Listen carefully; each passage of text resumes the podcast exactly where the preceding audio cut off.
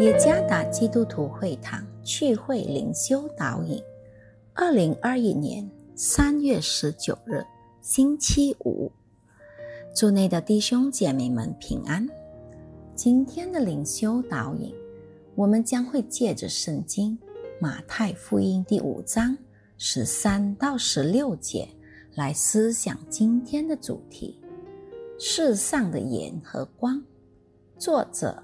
黄晓峰音乐老师，《马太福音》第五章十三节：“你们是世上的盐，盐若失了味，怎能叫它再咸呢？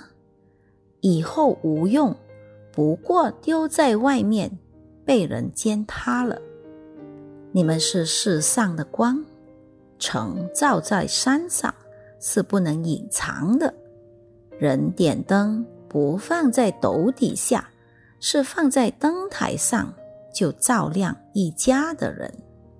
你们的光也当这样照在人前，叫他们看见你们的好行为，便将荣耀归给你们在天上的父。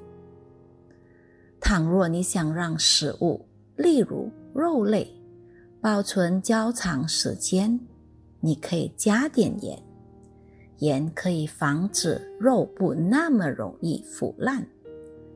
倘若你在烹饪时，你可以加点盐来增添食物的滋味。倘若你处在漆黑里，你可以借着蜡烛、手电筒所发出的光来使你看得更清楚。光能给我们带来舒适的感觉。盐和光在我们人类的生活中能产生巨大的影响。主耶稣在登山宝训的讲道中强调说明，上帝子民的真正身份就是盐和光。上帝的子民就是世上的盐，意味着他们的生活能把上帝的味道。散发在四周围的人群中。这里的味道指的是来自上帝国度的爱、良善、和平、合一等等。这种味道能透过与主耶稣基督合而为一后，常存在上帝子民的生活里。这种味道是上帝国度的光耀。上帝的子民将会把它散发出去，即使他们可能会被拒绝、被伤害，甚至被残害。上帝的子民也是世上的光，意味着他们的生活能把上帝国度的光带到被罪恶所捆绑的黑暗世界里。上帝子民的生活。